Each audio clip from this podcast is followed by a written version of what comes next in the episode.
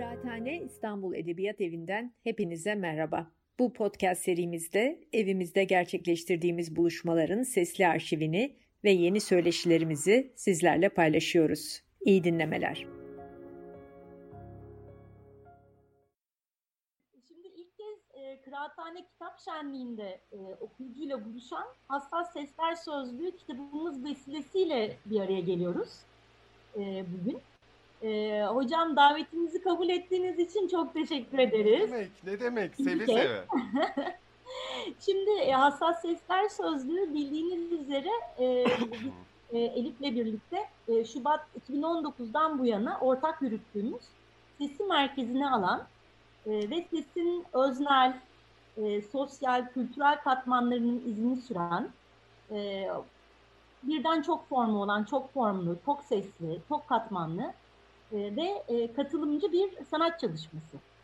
E, bu şekilde özetleyebiliriz.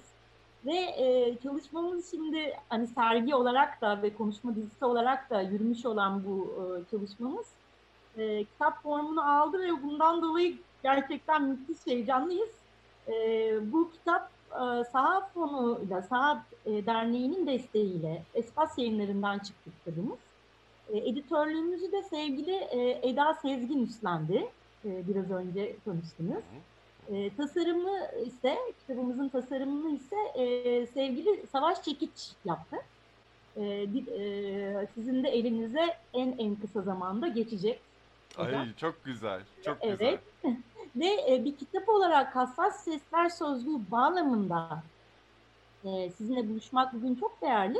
E, iki nedenle e, birincisi e, katılımcılarımızdan birisi e, Nevzat hocamız e, kitabımızda ve çalışmamızdaki katılımcılardan birisi. E, ve ikincisi de e, çalışma alanınız e, tam da karşılaştırmalı edebiyat. E, onun için e, Kıraathane Kitap Şenliği'nde birlikte olmak e, çok kıymetli, çok değerli, çok yerinde, çok yerini bulur dileriz. E, zaten geçtiğimiz yıl da sizinle e, barbarlıktan medeniyete e, ses başlıklı bir konuşma yaptık e, müthiş enerjisi yüksek bir e, konuşmaydı. Ve o konuşmada aslında biz bugünkü konumuza giriş yapmıştık. Yani bu duyular hiyerarşisi meselesine. E, aslında orada e, daha çok e, gözün iktidarını göz merkeziyetçi bir e, bakış diyeceğim yine. göz merkeziyetçi bir şekilde bunu sorgulamaya başlamıştık. Ve e, mesela Patrick Suskind'den, koku romanından örnekler vermiştiniz. E, Atilla İlhan'dan e, sinestezi, e, sinestezik e, böyle değişler, e, bir e, teneke yırtığı keskinliği, hmm. bir yüz ifadesini tanımlarken teneke yırtığı diyordu. E, yani bunun gibi efendim, Evet. Evet, buradan giriş yapmıştık ve hani e, gerçekten hani bu mantıksızlığı akıl almaz e, ya da işte hislere sığmaz haline e, bu e, sıralamayı bir buna giriş yapmıştık. Ve bugün de e, sanatta ve edebiyatta e, duyuların hiyerarşisini masaya yatırmak istiyoruz sizinle. Ne güzel. Ben e, sözü aktarayım. Ee, hocam ben de öncelikle kitabı kattığınız için çok çok teşekkür ederim katılımınız. Ne demek seve seve. Ee, gerçekten bizim için de hem deşifre etmeklerin içinde tekrar tekrar düşünmüş çok kafa oldu. Ee, ve kitabımız da e, Gözün Tiranlığı'nın eleştirisiyle başlıyor ve ilk maddemizde Müktedir Göz sizinle yaptığımız konuşmadan e, alıntıla, alıntıladığımız e, maddeyle başlıyor. Ben oradan kısa bir şey okuyup oradan size sizin için de uygunsa söz Tabii ki. isterim.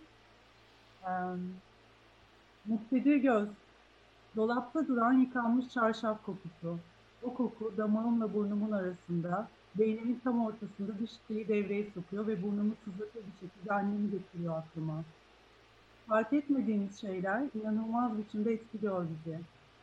Onları önemsemediğimiz için bir çeşit alt kültür gibi bizi arka sokaklarımızda bekliyor ve bel altı vuruşlar yapıyorlar. Bir koku, bir ses karşısında afallıyoruz ama neden afalladığımızı anlamıyoruz. Böyle başlıyor. Bu biliyorsunuz ne yaptığımız konuşmadan bu olmuştu. Evet. Ee, buradan ben duyular hiyerarşisine ve e, belki de hani gözle başlar siz nasıl başlamak istiyorsanız vermek e, Tabii ki. Evet.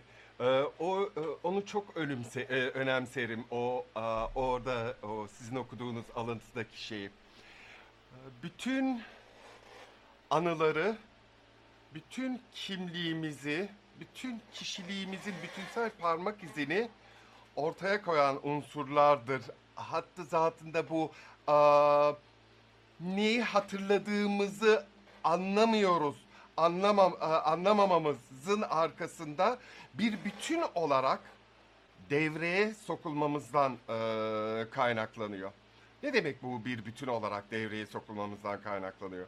Göz, göz en önemli duyumuz olabilir ama bu en önemli duyumuz oluşu dünyayı bizim alımladığımız ve algıladığımız şekliyle gözün dünyayı atomize ettiğini, belli başlı kesitlere bizi mahkum ettiğini ne yapamayız? Yatsıyamayız değil mi? Göz ne yapıyor bizi? Görmek ne yapıyor bizi? Bulunduğumuz ana, bulunduğumuz e, bağlama mahkum ediyor bizi. Bizi ne yapıyor? Bizi geçmişimizden ayırıyor ve geleceğimizden ay- e, ayırıyor ve tamamıyla garip bir biçimde şimdiki zamana mahkum ediyor. Bu gözün görünürdeki büyük gücünün arkasında aslında ona şimdi ve buradaki mahkumiyetimizin ifadesinden başka hiçbir şey değil. Ne demek istiyorum bununla? Bakın gözünüzle kelimenin tam anlamıyla algıda seçici olabilirsiniz. Görmek istemediğinizi görmeyebilirsiniz. Göz kelimenin tam anlamıyla inanılmaz lüks bir e, duyudur. Lüks bir duyu. Neden? Ne demek istiyorum bununla? Kokuda bu şansa sahip değilsiniz. Bakınız ben İzmirliyim. İzmir'de 80'li 90'lı yıllara kadar Körfez'in kenarından, Anadolu Caddesi'nden, Bayraklı'dan geçtiğiniz zaman isterseniz Ankara otobüsünde uyuyun, isterseniz karşıya kadar e, İzmir güneybatıya doğru gidin. O koku sizi ister istemez İzmir'desin. İ- e, burası leş gibi kokuyor. Bu koku hatta zaman zaman öyle artıyor ki akciğerlerinizi yakıyor. Bundan ne yok? Bundan kaçış yok. Çünkü koku alma hangi e, organımızla bağlantılı? Burun ve akciğerlerimizle. Koku almamak için, kokuyu seçebilmek için ne yapabilirsiniz? Bir süre ağzınızdan soluyabilirsiniz e, ya da e, nefes almamaya çalışırsınız. Ama koku, kokuya ve dolayısıyla solumaya, solumaya ve dolayısıyla kokuya nesiniz? Mahkumsunuz değil mi? Maruz kalıyoruz. Maruz Ben kalıyorsunuz. Parazit filmini düşünüyordum hocam. Orada e, böyle bir eleştiri var ya sınıfsal koku meselesi. E, babanın, e, şoför olan babanın nasıl koktuğundan bahsediyorsun. E, Evet. Evet. Yani e, koku koku ne yapıyor? Aynen Patrick Süskind'in e, romanında da dillendiği biçimde aslınızı haşa ve asla ne yapamıyorsunuz? Saklayamıyorsunuz. Mesela gözü kandırmak, Evet. göz boyamak çok güzel. Göz boyamak bu açıdan daha kolay.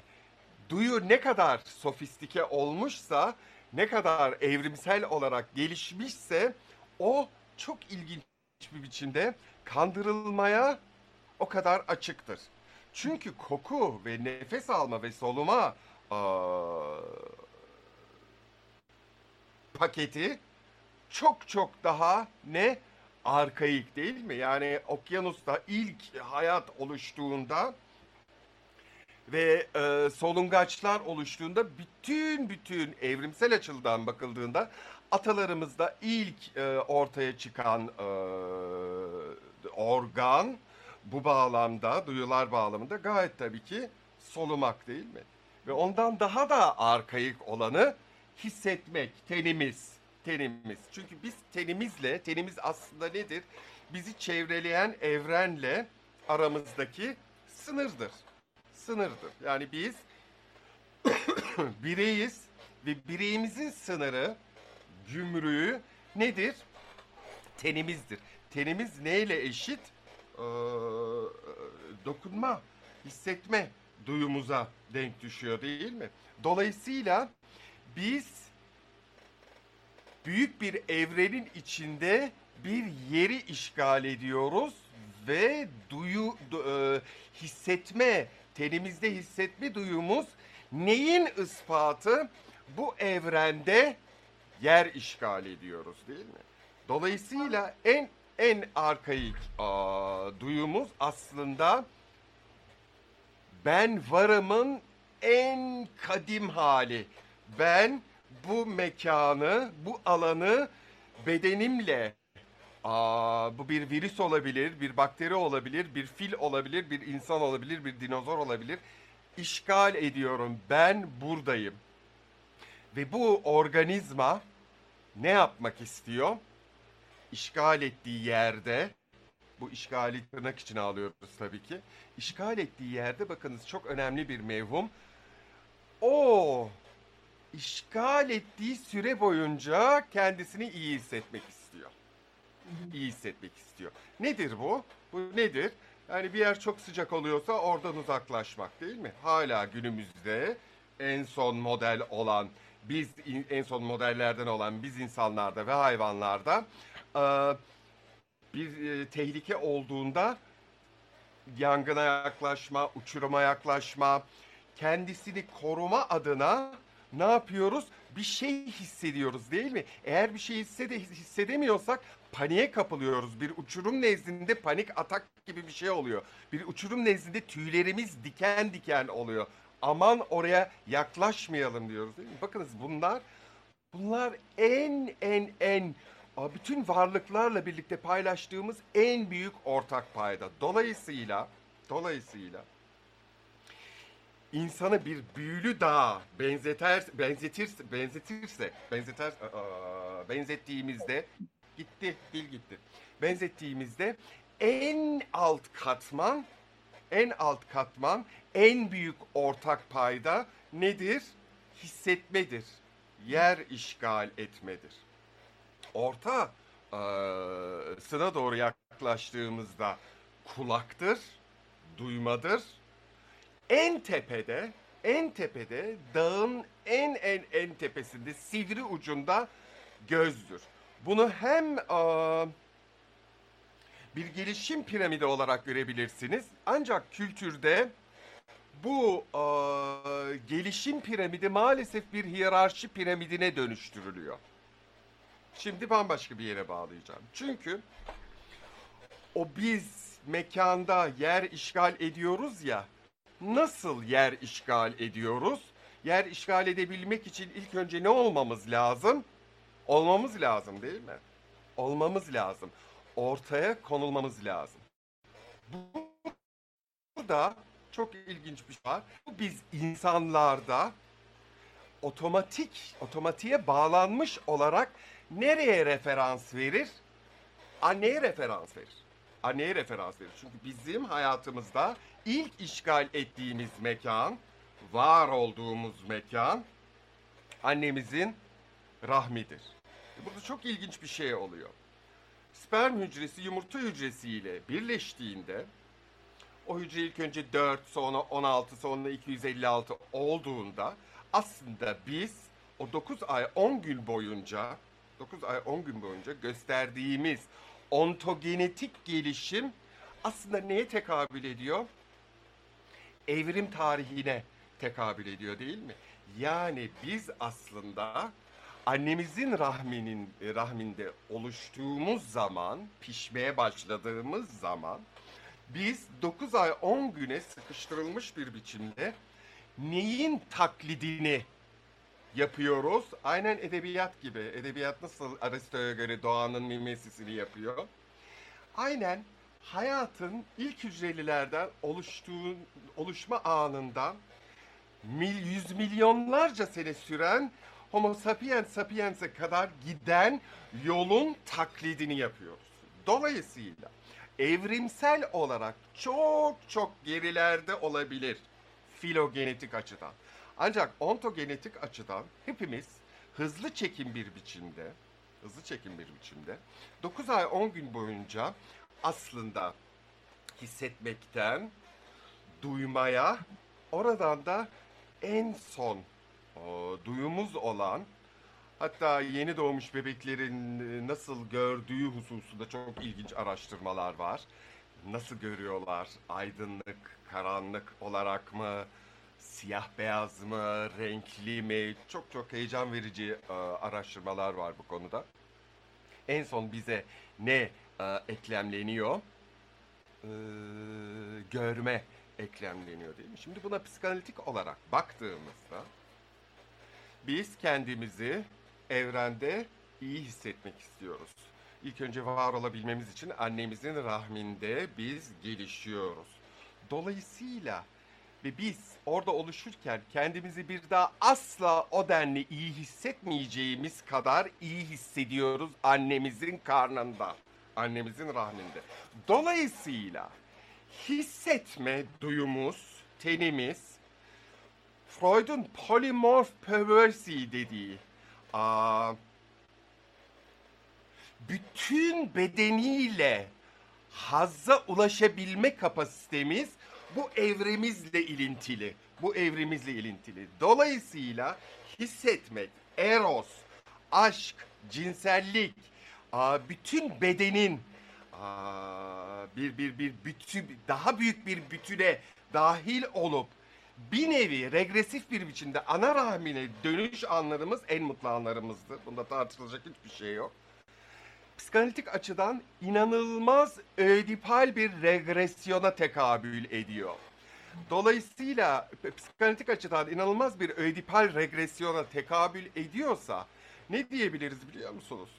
Biz gö- görme ve görmenin hiyerarşide en tepede oluşu aslında ataerkil kültür tarafından bizimle hem kişisel annemiz ontogenetik hem e, bütünsel olarak, türsel olarak anamız olan doğadan filogenetik bizi koparmaya çalışıyor.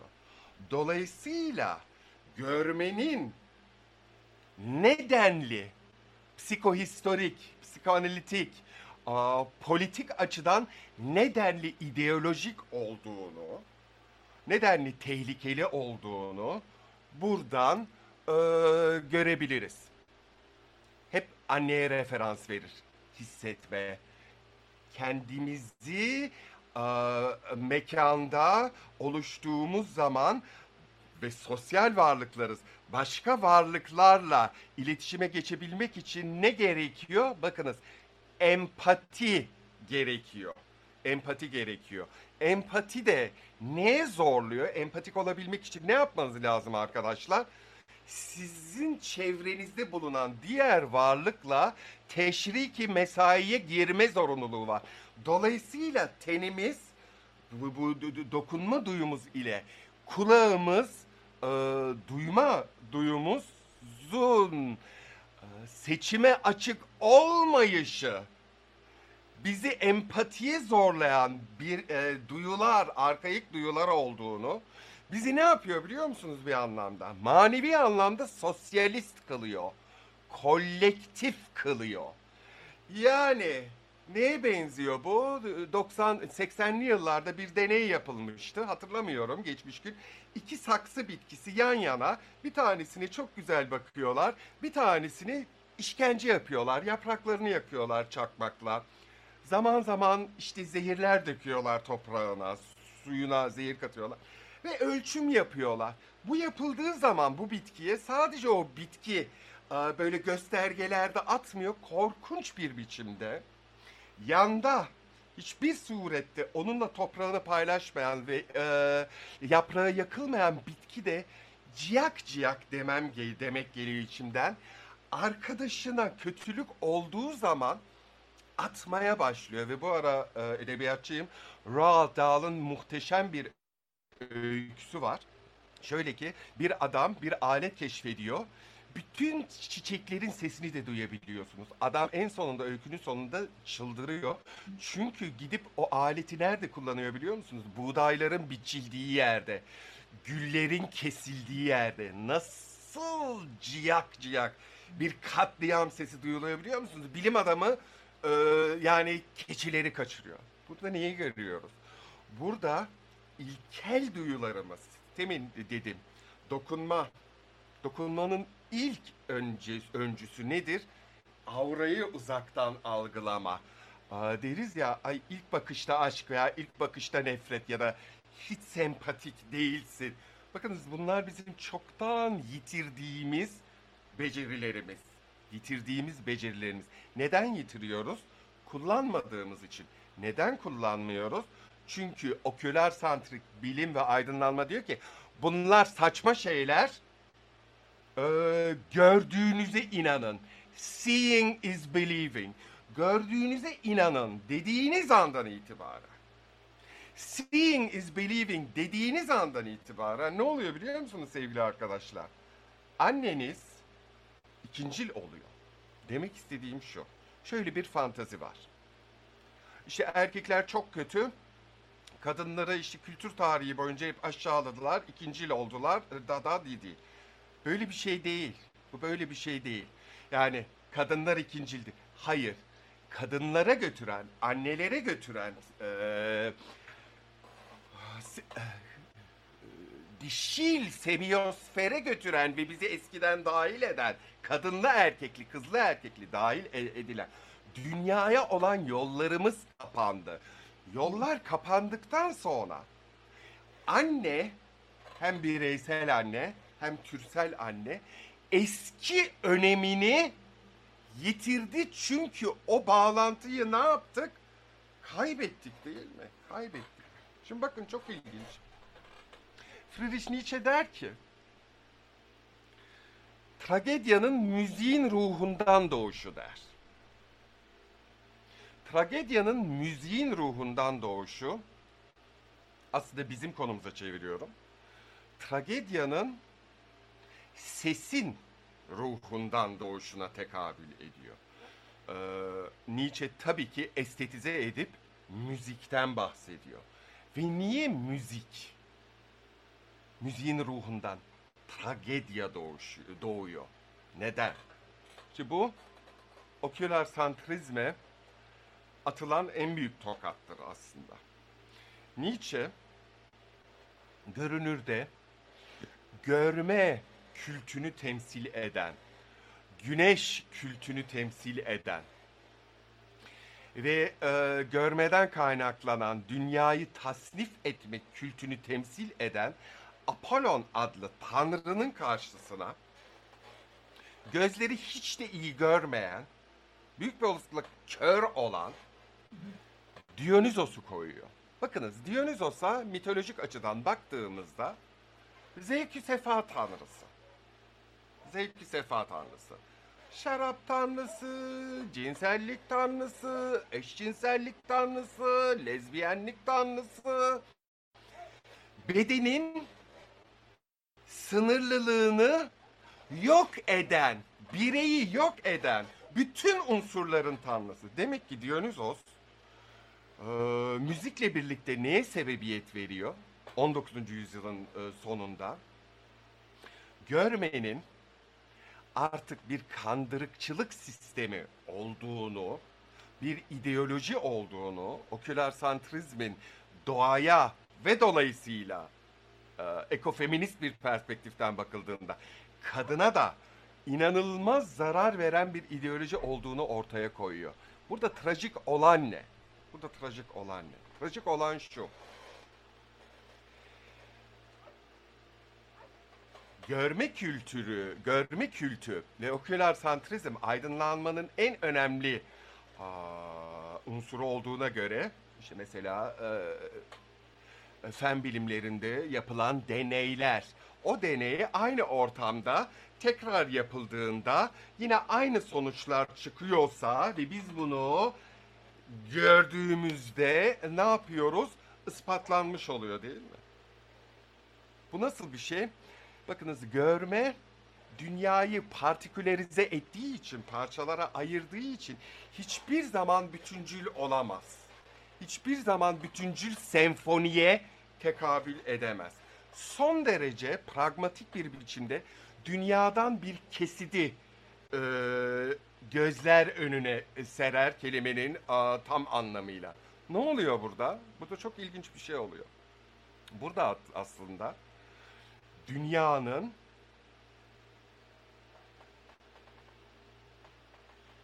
e, parçalara bölündüğünü ve başka bir yerde geçerli olan görü, e, görüntülerin başka yerlerde geçerli olmadığını görüyoruz. Bakınız duyma ve hissetmeden kaçamıyoruz ya onlar bir holistik e, bir bir bütüne bir bütünselliğe tekabül ediyor.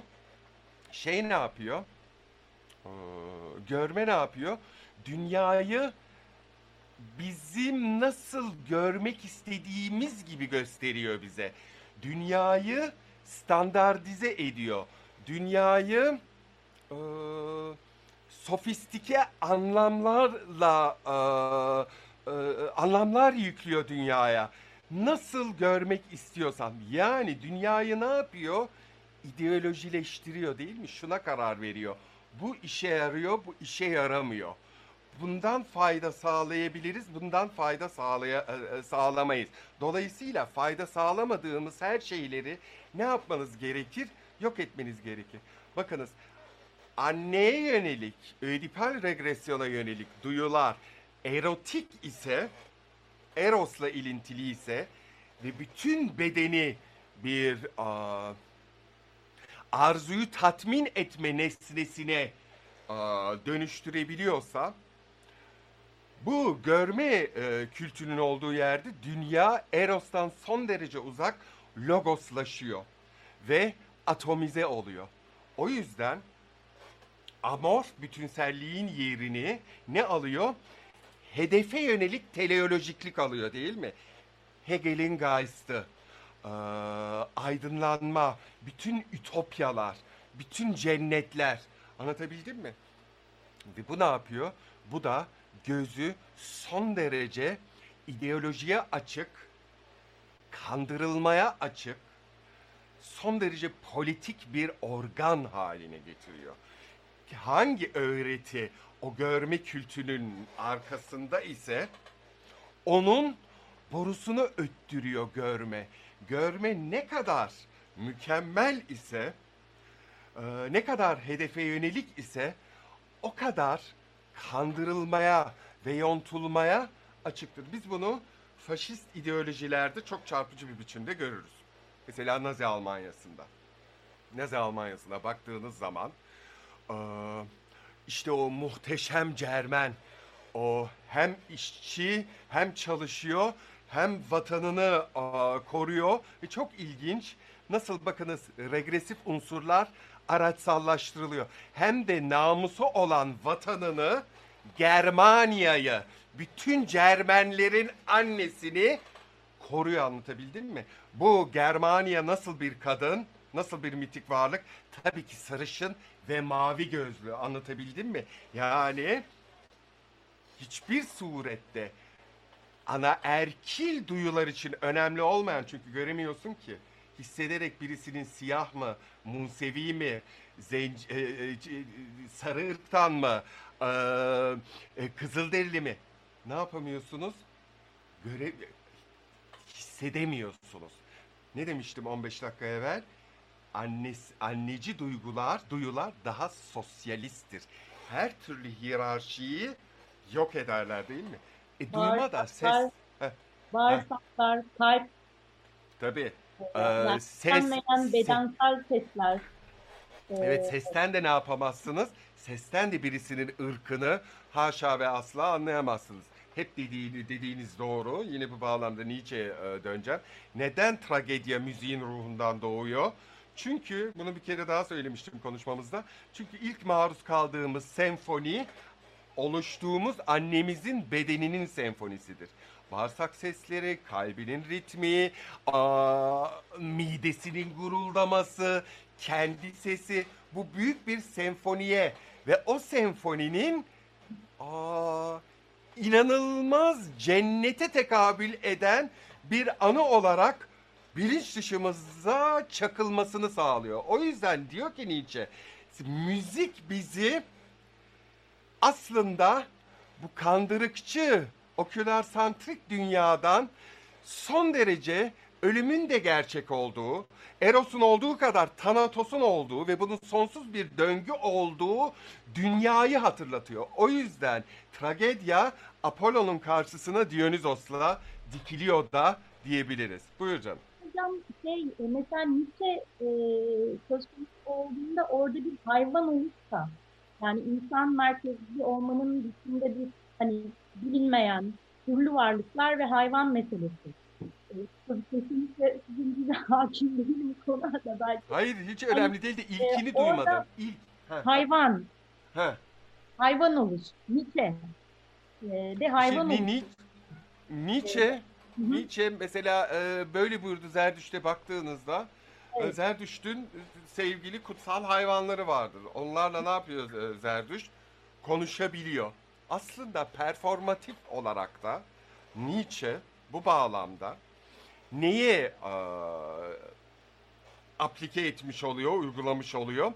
Aynen varlıkların sosyalist açı- sosyalist diye adedebileceğimiz kardeşliğini ve eşitliğini Nietzsche üstün insanın propagandasını yaparken bütün bunların ayırdında olan insan hayalinden bahsediyor.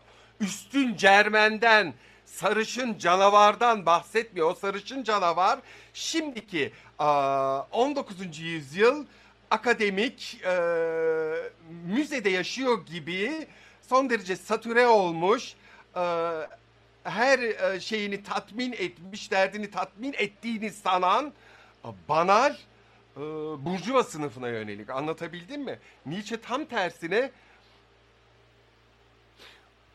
varlıklar arası bir e, hümanizmayı savunuyor. Bu hümanizmayı savunurken yani hayvan, bitki, mineral, insan eşitliğini savunurken çok ilginç bir biçimde neyi de proklame ediyor biliyor musunuz dolaylı olarak? Bu bütün göz kültürünün bekçisi olan Tanrı'yı da onun da öldüğünü ilan ediyor. Yani Nietzsche'nin bu satırlarında hem Dionysos olsun tragedyanın doğuşundan hem e, böyle buyurdu Zerdüşt'ün bu taraflarında inanılmaz posthümanist insan ötesi bir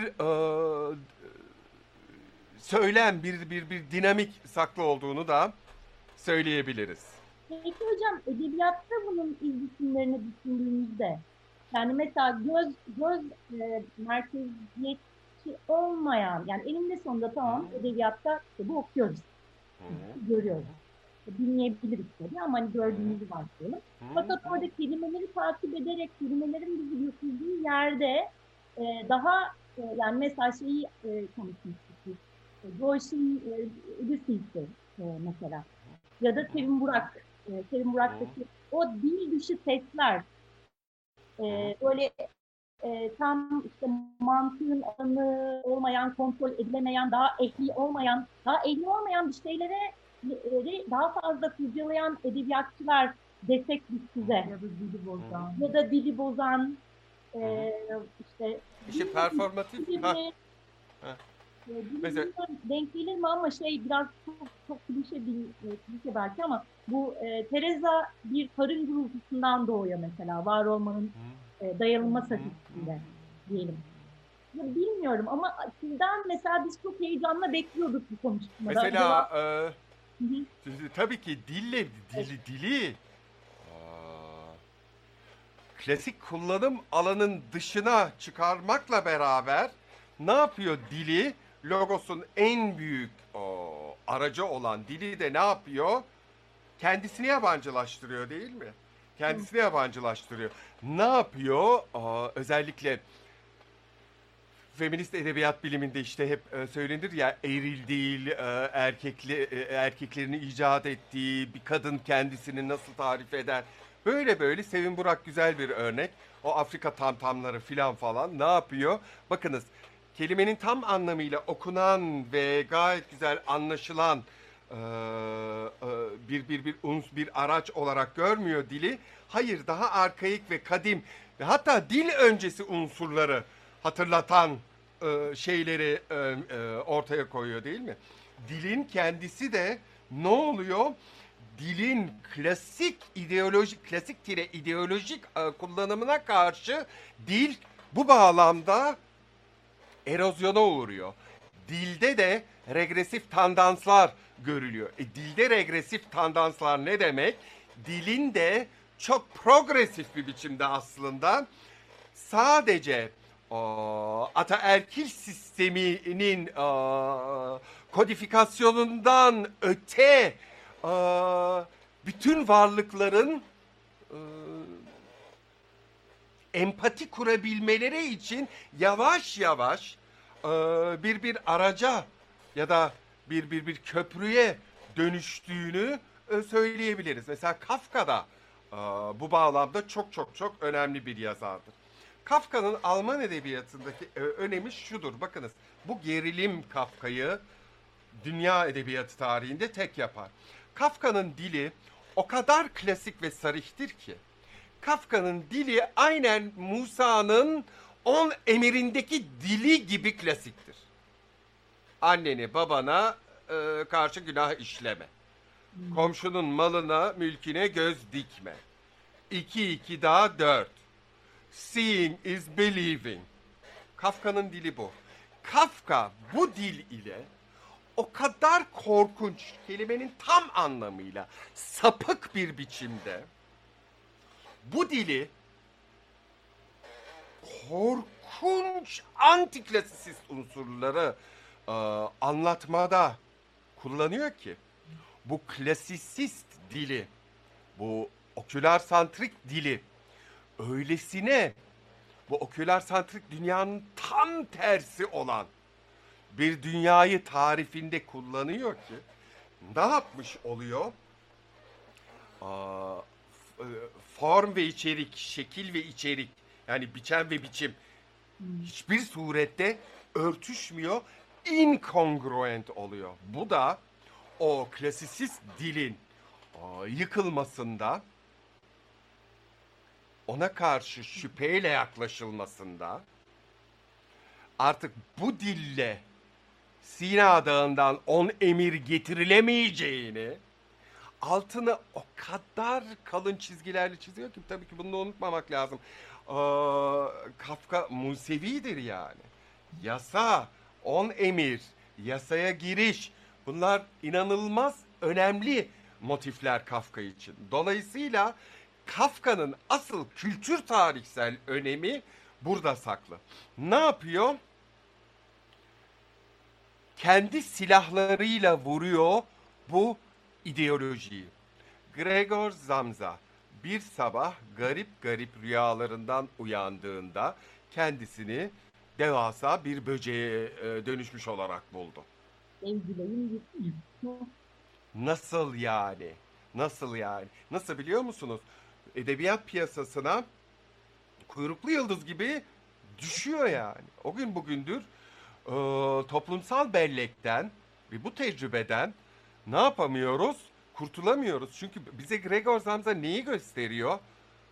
Gregor Zamza evet en korkunç insanların ve okülarsantrik e, estetiğiyle en nefret ettiği böcek, örümcek, sümüklü böcek, böyle abyektvari Yulia Kristeva yönelik iğrenilmesi gereken nesneler.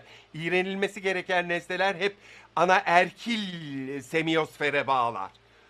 Ne oluyor? Böceğe dönüşüyor. Bakınız çok ilginç. Annesi giriyor odasına diyor ki oğlum diyor niye yemeğe gelmiyorsun? Orada bir böcek var.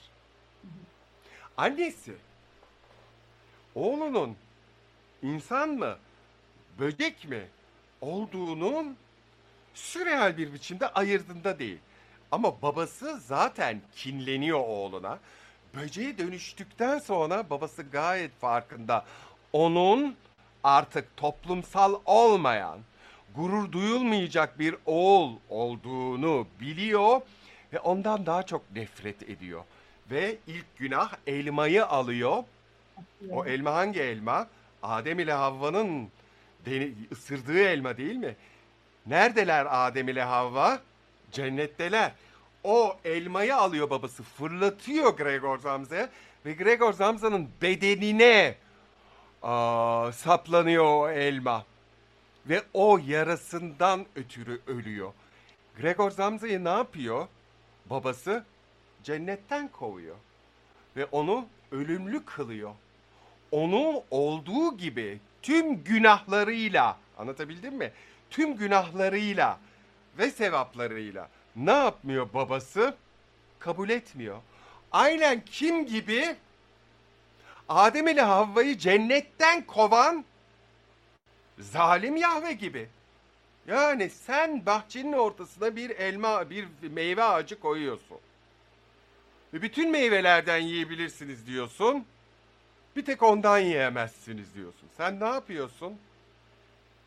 Sen şimdi Nietzsche Tanrı'yı niye öldürdü? Ne getireceğim?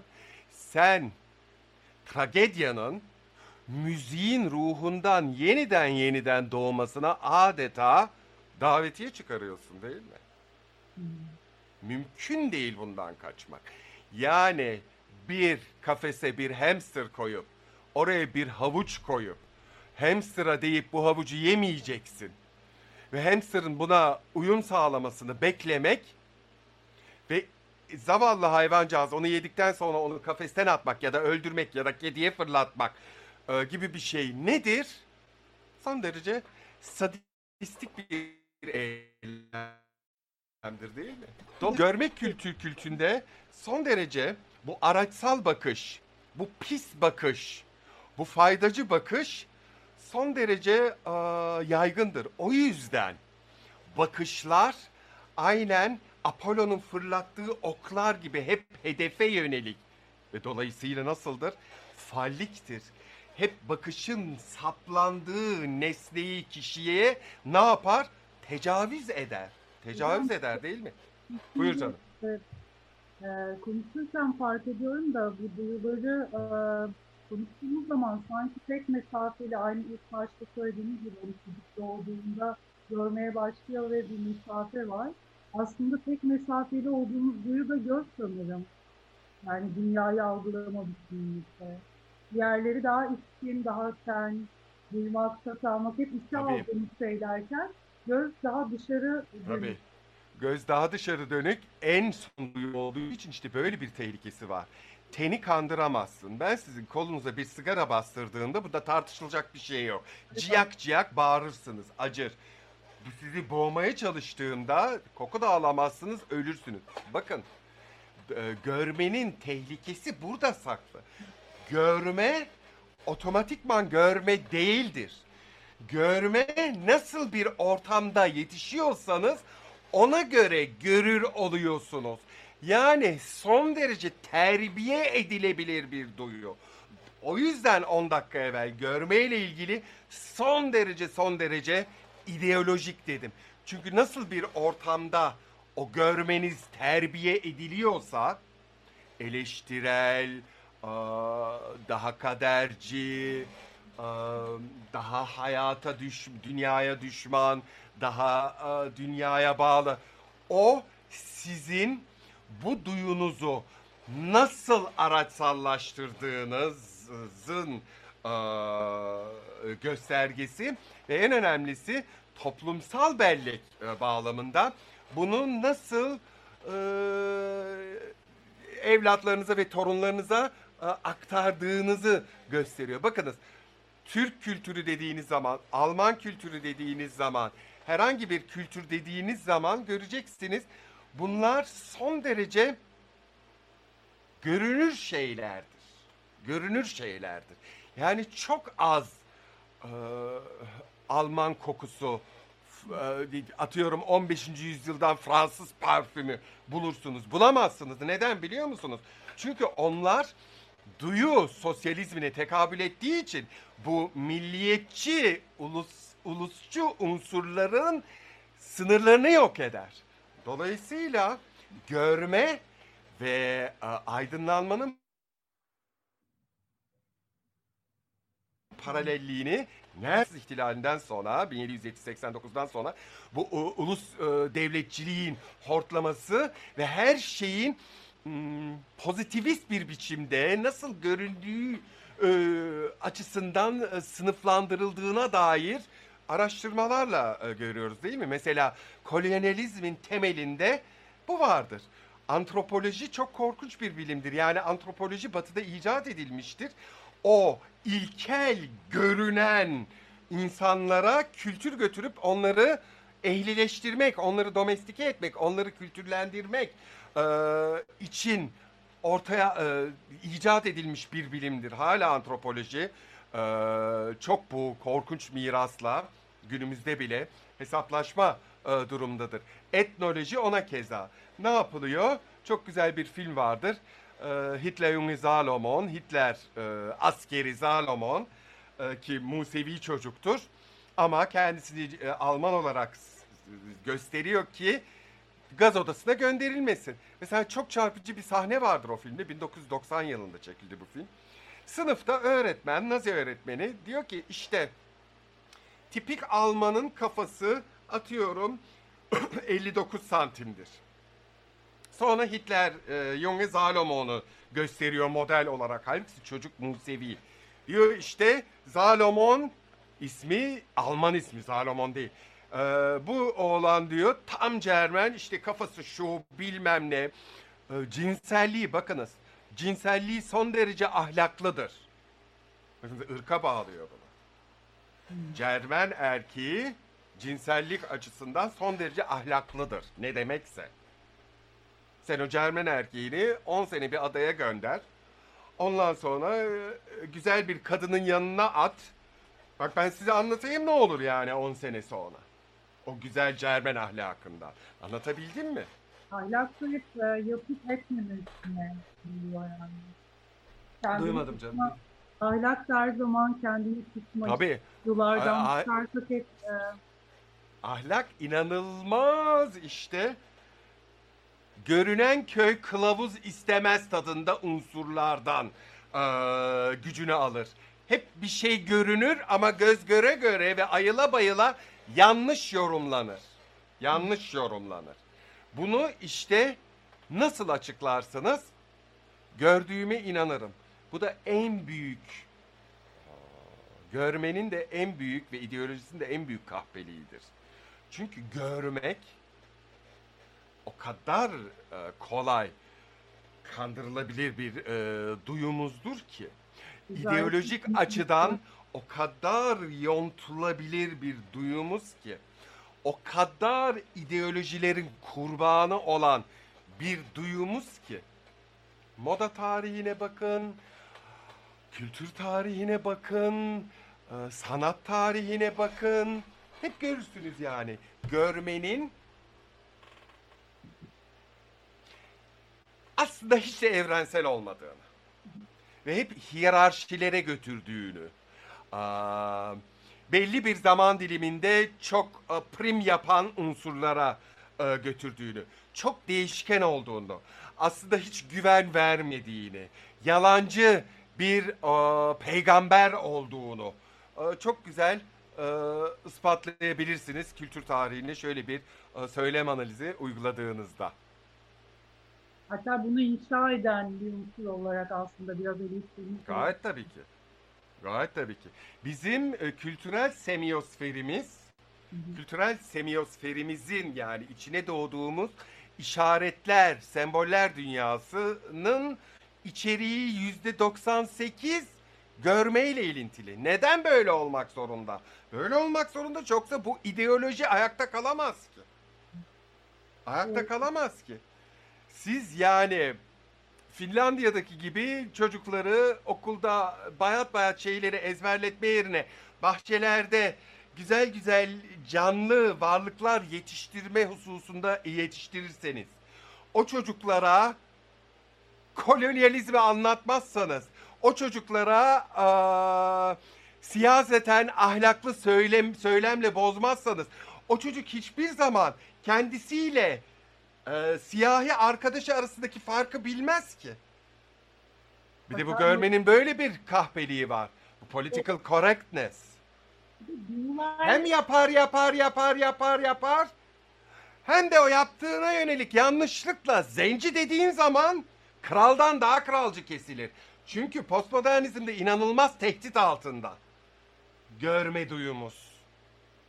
Bu New Age'le, bu ezoterizmle ilgili olarak. Çok çok aa, inanılmaz yani edebiyat tarihinde öyle bir villain yani öyle bir yani Dallas dizisini bir hatırlar mısınız çocuklar? Sizler çok gençsiniz bilmezsiniz. Evet. Orada bir J.R. Ewing vardı. J.R. ya da Hanedan'daki Alexis. Oküler santrizm öyledir yani. Sinsi, kaypak, o, o an ne gerekiyorsa e, onu söyleyen. Ama rafine değilse artık, sofistike değilse çok çabuk da foyası meydana çıkar. Ee, doğada da var olamayacak yani şöyle şimdi düşünüyorum da mesela doğada geçirilen zamanda ve emek işlerinde ve toplu yapılan işlerde özellikle e, yani bir asma kırma eylemini düşünüyorum. Hani, e, kitapta da böyle işlerden biriydi. Mesela e, asmanın altına giriyorsunuz ve doğru kırıp kırmadığınızı onun e, sesinden yani elinize gelişinden ve sesinden anlıyorsunuz görü yani bakarak bakarak anlat yani bir sürü böyle pratik temelli bilgi, yapma etme temelli bilgi e, genellikle e, görüntüden değil de e, gerçekten dokunmadan, kokudan e, ve hatta ve hatta ve hatta e, mesela işte biz 5 diye gelen bir um, yaklaşım var ama o 5 daha fazla diyor. E, çeşitli değil. E, yani sayısı belli değil. Çeşitli işte bilimsel makalelerden farklı farklı. Artı dünyanın neresinde yaşıyorsak ona göre farklı. İşte yön bulma, e, yok eklemlerimiz nerede onu bilme, iç, iç algı, içimizin algısı, içimizin türlü algılar. Fakat hani doğanın parçası değilmiş gibi yaptığımız anda ve ona hükmetme ve onu yok etme pratiklerine girildiği anda tam da o göz merkezli e, işte kontrol altına alma, e, şey, sur, e, ne, surveillance pratikleri yani e, panop, panoptikonlar, savaş politikalarında savaş araçları, e, yani yıkıma e, yönelik e, şeylere doğru gidiyor. Gözümüzün çok doğal, çok doğal çünkü çünkü e, göz dediğim gibi sadece insanlarda değil, evrim tarihi bağlamında da en son model. Yani e, ilkel varlıklar sadece aydınlık, karanlık. Yani bir ucunda kafaya tekabül eden uçta sinir uçları var. Karanlık mı, aydınlık mı onu ayırt edebiliyor. Ama o tarif ettiğiniz işte doğal unsurlar bu evrimden çok çok daha eski olduğu için hiç göze yönelik değil ki. Hocam peki bu kuş taklidi yapan bitkiler var ya yani kuş taklidi derken artık kuş şeklini almış. Yani e, çeşit e, kuşlar gelsin ve o onun tohumlarını saçabilsin diye. Mesela bazı işte okuyup ettiğimizde aslında doğada da yer yer bu göz e, üzerinde ilgilenmiş bir e, şey de var bitkiler üzerinden. İşte gör, görme değil, insandaki gibi görme olsa o kuşlar ona kanmaz. Emin olun ki o şekilde bir şema saklı ve sırf gözüne hitap etmiyordur kuşun rüzgarda sallanışına, yaydığı titreşime, belli başlı aromaları belli dönemlerde çünkü herhangi bir zamanda gelmesi uygun değil o kuşun. Ee, tohumlar oluştuğu zaman e, onun gelmesi lazım. Belli başlı feromonlar. Yani doğada böyle bu tarz mimikri dediğimiz başka bir varlığı simbiyotik sebeplerden ötürü kandırmak e, çok yaygın. Çok yaygın. Doğa daha kadim varlık olan bitkiler bakınız çok çok daha ileri sanılan kuşları, memelileri nasıl da güzel kandırıyorlar. Çok ilkel duyular olan, koku duyularını tekabül eden feromonlarla. Yani soruyorum size kim kimi kandırıyor, kim kimi e, parmağında oynatıyor. Burada siz demin çok güzel bir şey söylediniz. Bu bizim e, hükmetmemiz, e, yok etmemiz. İşte görmenin, görmenin genelde görme aslında doğa açısından şuna e, yönelik. Bak, gör hızlı bir biçimde ve işini bitir. Ne demek bu? Hmm. Ee, biz primatlarda, bizde insanlarda yok ama e, bazı e, bizim de atalarımız arasında bulunan primatlar dişilerin e, çiftleşme zamanında olduklarını, dö- dönem döneminde olduklarını şişen ve kıpkırmızı kesilen popolarından görülüyor. Göz bu yüzden çok pratik. Aha, kırmızı popo, git çiftleş. Aha, mama var, git ye. Biz insanlar bu, bak işini görü. Bu görmeyi felsefemizin merkezine koyarak bütün bu gör, görmenin evrimsel mirasını bütün dünyaya feci bir biçimde uyguluyoruz. Bak ve işini hallet ve işini gör. Bir çiftleşme kadar. Bir anlık şey açlık giderme kadar. Dolayısıyla görmenin sevk ettiği unsurlar hiçbir zaman hiçbir zaman uzun vadeli değildir. Hep kısa vadelidir. Bir orgazma götürecek kadardır. O kadardır. Görme hemen görür, aa, taşıyıcısını belli bir davranış kalıbına sevk eder ve iş biter. Şimdi siz bu pratikliği bütün bir kültüre, bütün bir dünyaya hükmetmeye aplike ederseniz o dünyanın çarkına itina ile okunur. Hocam hani arkada şey çalıyor kafamda. Sevmek hani sevmek bir ömür sürer.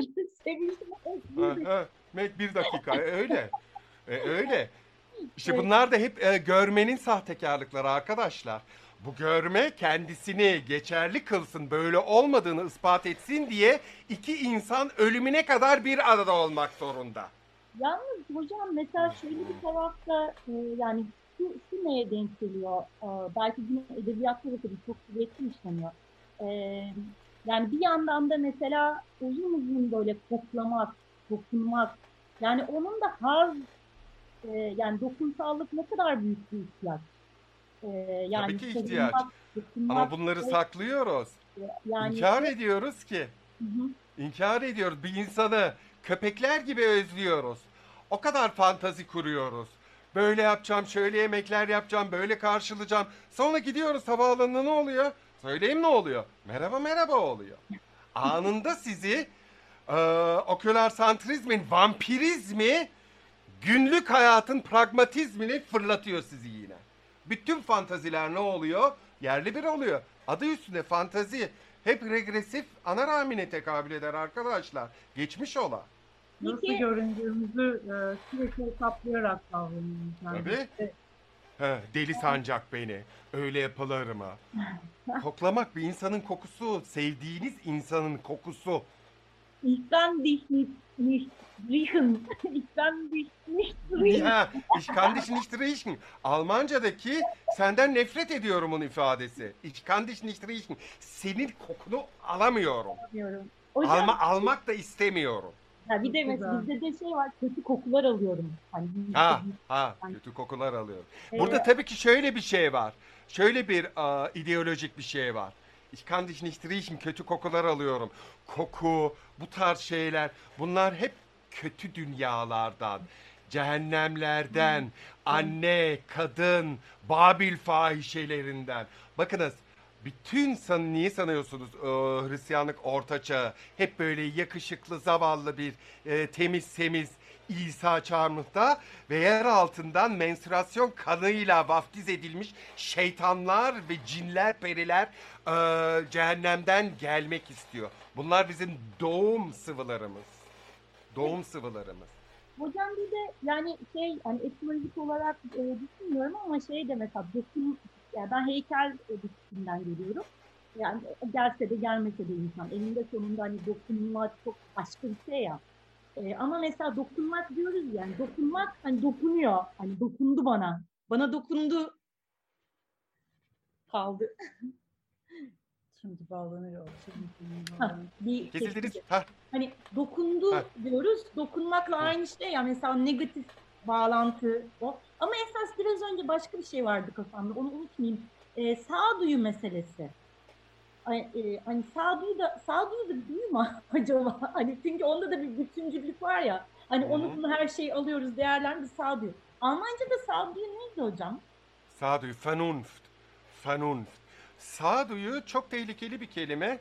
Duyu diyor ama çok ideolojik. Bak sağ diyor. Evet. Ee, sağ tarafa referans veriyor. Sol taraf değil, öne referans veriyor. İrkiliyor yani evet. Ha, sağ yani sol duyu yok bak. Sol duyu yok. Sağlıklı, sağ, sağ, sağlık, sağ taraf, ön taraf, yukarısı. Yani dolayısıyla bu hiyerarşiye de ne yapıyor? Yani sağduyulu ol. Oğlum gördüğünü yani görüyorsun işte. Anlatabildim mi? Bu büyük bir semantik alan. Evet. O con conscientious, conscientious, conscious, conscious, conscientious. Conscious bilinçli, conscientious değil mi? Ee, şey, bir de vicdan meselesi. Ama bu hissetme, hocam size bir şey anlatacağım. Ee, üçüncü mevki diye bir lokanta vardı. Hani 24 sene falan İstanbul'da el yemekleri yapıyordum. Şimdi e, üçüncü mevkiyi e, kesip çeviren kişi e, yani çok ciddi işitme kaybı var. E, ve e, yani artık en sonunda hani çok çok ciddi boyutlara erişince de e, başka birilerine e, devretti ama çok hissederek yani hissede hissede içi rahat ettiği anda e, devretti. Ama orada çalışır, çalışırken şöyle bir durum vardı. E, zaten yerin altına iniyordunuz mutfak için. Ve mutfağa indiğinizde eğer mutfağa yardım etmek istiyorsunuz, hani nedir? Normalde insanlar dille anlaşır mı? Sorar yani ne yapabilirim? Ne yapabilirim demek o orayı yürüten insan için facia bir soruydu. Çünkü şey diyordu, hisset. yani orada bulun ve denen e, ve bedensel olarak kokuyla, sesle, her şeyle, ritimle onun parçası ol ve hisset. Gayet Ee, tabii ki. Yani Gayet o e, yani hissedişle yaşanan bir yaşamla e, yani çok farklı. Hani yaşamla ilişki kurma biçimlerinde o e, bütüncüllük, hissetmek, duymak bunlar bir de vakit alan şeyler tabii. E, Tabii çok ki. şey gören de değil, çok kabul de görmüyor. Bir de hem hem vakit alan hem de e, o zaman gerçekten başkaları size çok rahat bir şekilde şey diyor, "Ya tamam o bir- biraz hani o biraz hani deli yani. Tabii. Hani Bakın bu çok e, öyle önemli. yani. Ha, Önemli bir şey bilmiyorum. parmak e, bastınız ki. Bu işte e, şey sorunu çocuklar. Bi- e, bilgelikle bilim farkı. Duyuların yani daha arkaik duyuların olduğu yerde gayet tabii ki görmenin de eşit bir biçimde, ilk bir biçimde olduğu yerde bilgelik vardır. Bu tarafta sadece bilimsellik vardır. Duygudan, histen tamamıyla arıdır. Yani bilim için işte parfüm endüstrisi, kozmetik endüstrisi ve başka endüstriler için tavşanların gözlerine zehirli maddeler zerk ediliyor. Evet bu o, bilimsel olabilir. Ama bu korkunç büyük bir barbarlıktır. Bu nereden kaynaklanıyor? Görmenin hep sevk ettiği kısa vadeli mutluluklara, zenginlik, daha fazla satış, e, piyasada e, piyasaya hükmetme buna tekabül ediyor. Hiçbir zaman sırf görmenin merkezde olduğu yerde bilgelik olmaz. Çünkü hep kısa süreli heveslere yöneliktir o. Ve o yüzden de dünyamız bu halde. Çünkü dünyamızı ko- korumak son derece bilgelik gerektiren uzun vadeli bir süreç. Yani duyuların hiyerarşisini ve görmenin bu denli ideolojik olarak tepelere yerleştirilmesine son derece ekolojik perspektiften de yaklaşmak mümkün. Yani önemli olan benim evim emniyetli ve yeşil bir sitede olduğu sürece dünyanın çarkına okunmuş benim umurumda değil. Nereye geliyoruz? Neden gö... Tak tak tak bitti. Bu kadar. Hiçbir zaman görme hep vaat eder. Aydınlanma, ütopyalar, cennet hiçbir zaman görme vaat ettiklerini tutamamıştır. Bir de saklıyor da bir taraftan. Hani e, gör, göstermek, e, tam söylediğiniz gibi bu kontrol mekanizması da tam görme üzerinden işlediğini düşünürsek hem internet hem televizyon hani bu bu dünya kurulurken aynı zamanda da birçok şeyi de saklıyor tabii görme üzerinden olduğu zaman. Şimdi ne yapmaya çalışıyor? Bu, e, görüntülü dünya, işte dediğiniz gibi yeni medya, işte internet, e, streaming, servis sağlayıcıları vesaire vesaire. Hani inanılmaz derecede gözü tatmin etmeye çalışıyorlar. Ama işte bağı kopunca istediğiniz kadar seks filmi seyredin. istediğiniz kadar eğlenceli şeyler yapın. Hep bağı koparan soğuk bir ekranın karşısındasınız. Bunu temin de e, daha en başlangıcında konuşmuştuk. Bir insanla bir yerde yan yana olmak başka bir şey, uzaktan konuşmak başka bir şey. Ne yapıyor? O kadar güzel kendi kendisini yeniden üretiyor ki insanı bile bir e, piktograma indirgiyor. Kokusuz, korkunç pratik, istemediğiniz zaman şak diye kapatabileceğiniz. Anlatabildim mi? Gözü, gözü daha da hegemonik bir hale getirmeye çalışıyor. Ancak gözü ne kadar bu bağlamda, bu şekilde hegemonik hale getirmeye çalışırsanız o kadar çok tatminsiz kitleler üretirsiniz. Gerçekle, doğa ile bağı e, çoktan e, kopmuş insanlar üretirsiniz. E, yeni nesillerin bu denli, şimdi böyle söyleyince kulağa kötü geliyor ama sürekli yeni bir şey, e, arayış, yeni bir cool bir olayı bulma, yine adrenalin e, salgılamasını sağlayacak doğal bir şey bulma arayışları gitgide e, arttırıyor e, bu yeni sistem. Ne yapıyor? Müşterileri, müşterileri gitgide doyumsuz, tatminsiz, arsızlar haline getiriyor değil mi? Bu da tabii ki çok tehlikeli bir gelişim. Çok tehlikeli bir gelişim. hocam, tabii ki e, şunu da unutmamak lazım. Ne kadar çok görmeye mahkum ederseniz o kadar çok da bu o, oküler santrizmin ideolojisine de açık olursunuz açıkçası. Yani politik bir tehlikesi de var bunun. Hocam bir taraftan da bu bahsettiğiniz hani e, tüm bu işte şu andaki eğitim sistemi olsun, tüm bağlanma biçimlerimiz e, birçok insanla bağlantıda olmamızı sağlıyor aslında. Bunu e, bu- buna nasıl bakıyorsunuz? Hani bağlar bir taraftan koparken diğer taraftan da çok fazla bağlantı içinde oluyoruz. Evet. Dolayısıyla 6-0'lı eski Türk lirası oluyor. Ama aslında şey Enflasyonist oluyor. e, Enflasyonist oluyor. Yani ha ha ha yani sürekli yüzümüzde Fransız elçiliğindeki kokteyl sureti. Anlatabildim mi? ama Hiç sonuçta gerçek değiliz ki. Ha. Gerçek değiliz. Hepimiz Madonna'nın klibindeki Madonna gibiyiz.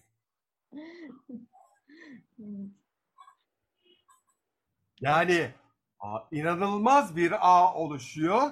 İnanılmaz yüzeysel ve adını koyalım çocuğun. Pragmatik ağlar.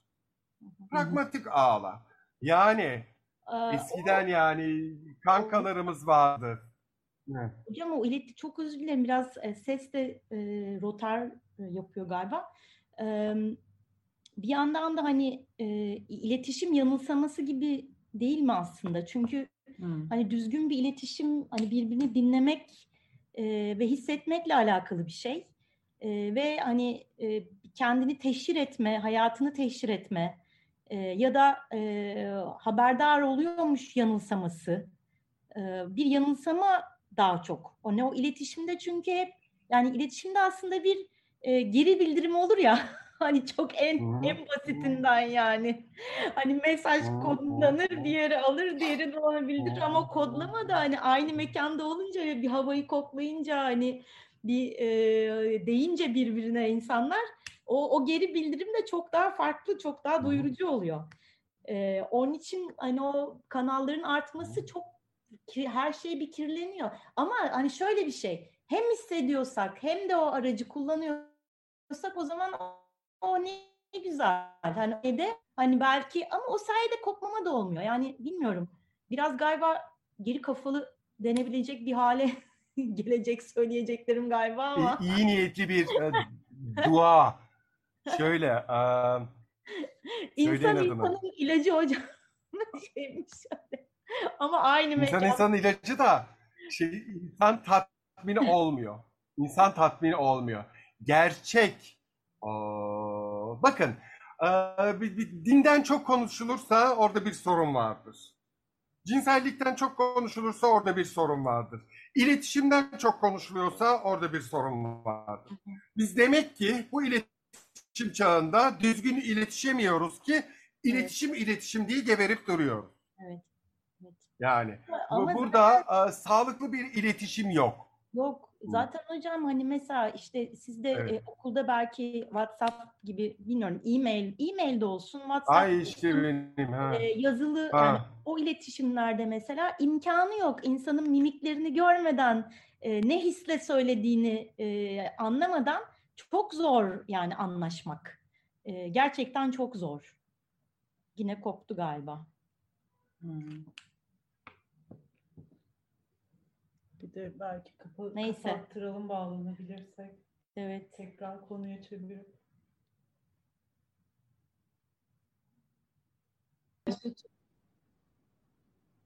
Ee, evet e, Nevzat Hocam hani bizim kitabımızda e, hem e, içindeki konuşma maddeleriyle hem de gerek Elif'le benim gerekse katılımcıların yaptığı tariflerle gözün iktidarını ve artı o e, çok e, kalıplaşmış o duyular hiyerarşisini saptıran, bozan, e, onu kabul etmeyen, eleştiren bir yerde duruyor.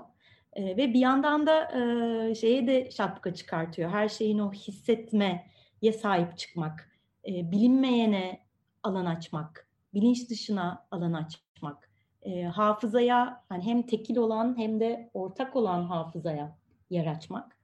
E, ve hani belki de o işte e, amjek demiştik hani iğrenmeye denk gelen e, sesler, istenmeyen sesler, e, duyulmak istenmeyenler, dikkatten kaçanlar, önemsiz bulunanlar, e, işte hakim ve yüksek olanların ezdiği e, diye çoğaltabiliriz. E, ve e, belki bir iki e, tarifle de e, bitirebiliriz. Ne dersin? Evet. E, mesela e, sizin hani sözünüzü yani birçok kişi konuşurken e, olan bir duruma dair bir tarif okuyalım. Laf arasına girmeye çalışırken aldığın asılı kalan nefes sesi. Yani siz konuşuyorsunuz biz böyle diye girmeye çalışıyoruz. Ee, sonra bir de şu vardı aklımızda. E, siz e, biraz önce bahsederken e, işte eğer hani dinle ilgili çok konuşuluyorsa onunla ilgili problem vardır. Ya da işte bedensellikle çok e, uhrevi mi e, denir? Dini, uhrevi, uhrevi şeyler değil mi? E, mesela manevi, e, manevi. E, tanım tariflerimiz arasında e, şu vardı. Namaz kılarken e, eklemlerden çıkan sesler. Bir katılımcı bunu tarif etmişti. E, çok bedensel sesler de var e, ses tarifleri arasında. Elma demiştik e, Kafka'nın elması. Elmadan kocaman bir ısırıkla kopardığın parçanın ayrılırken çıkardığı, çıkardığı ses. ses. ile de bitirmiş olalım. evet. E, çok teşekkürler. Um, dileriz başka vesilelerle yine bir araya geliriz. E, Kıraathane e, Kitap Şenliği'ne e, arkadaşlarımıza e, bu yarattıkları alan için e, çok teşekkür ederiz.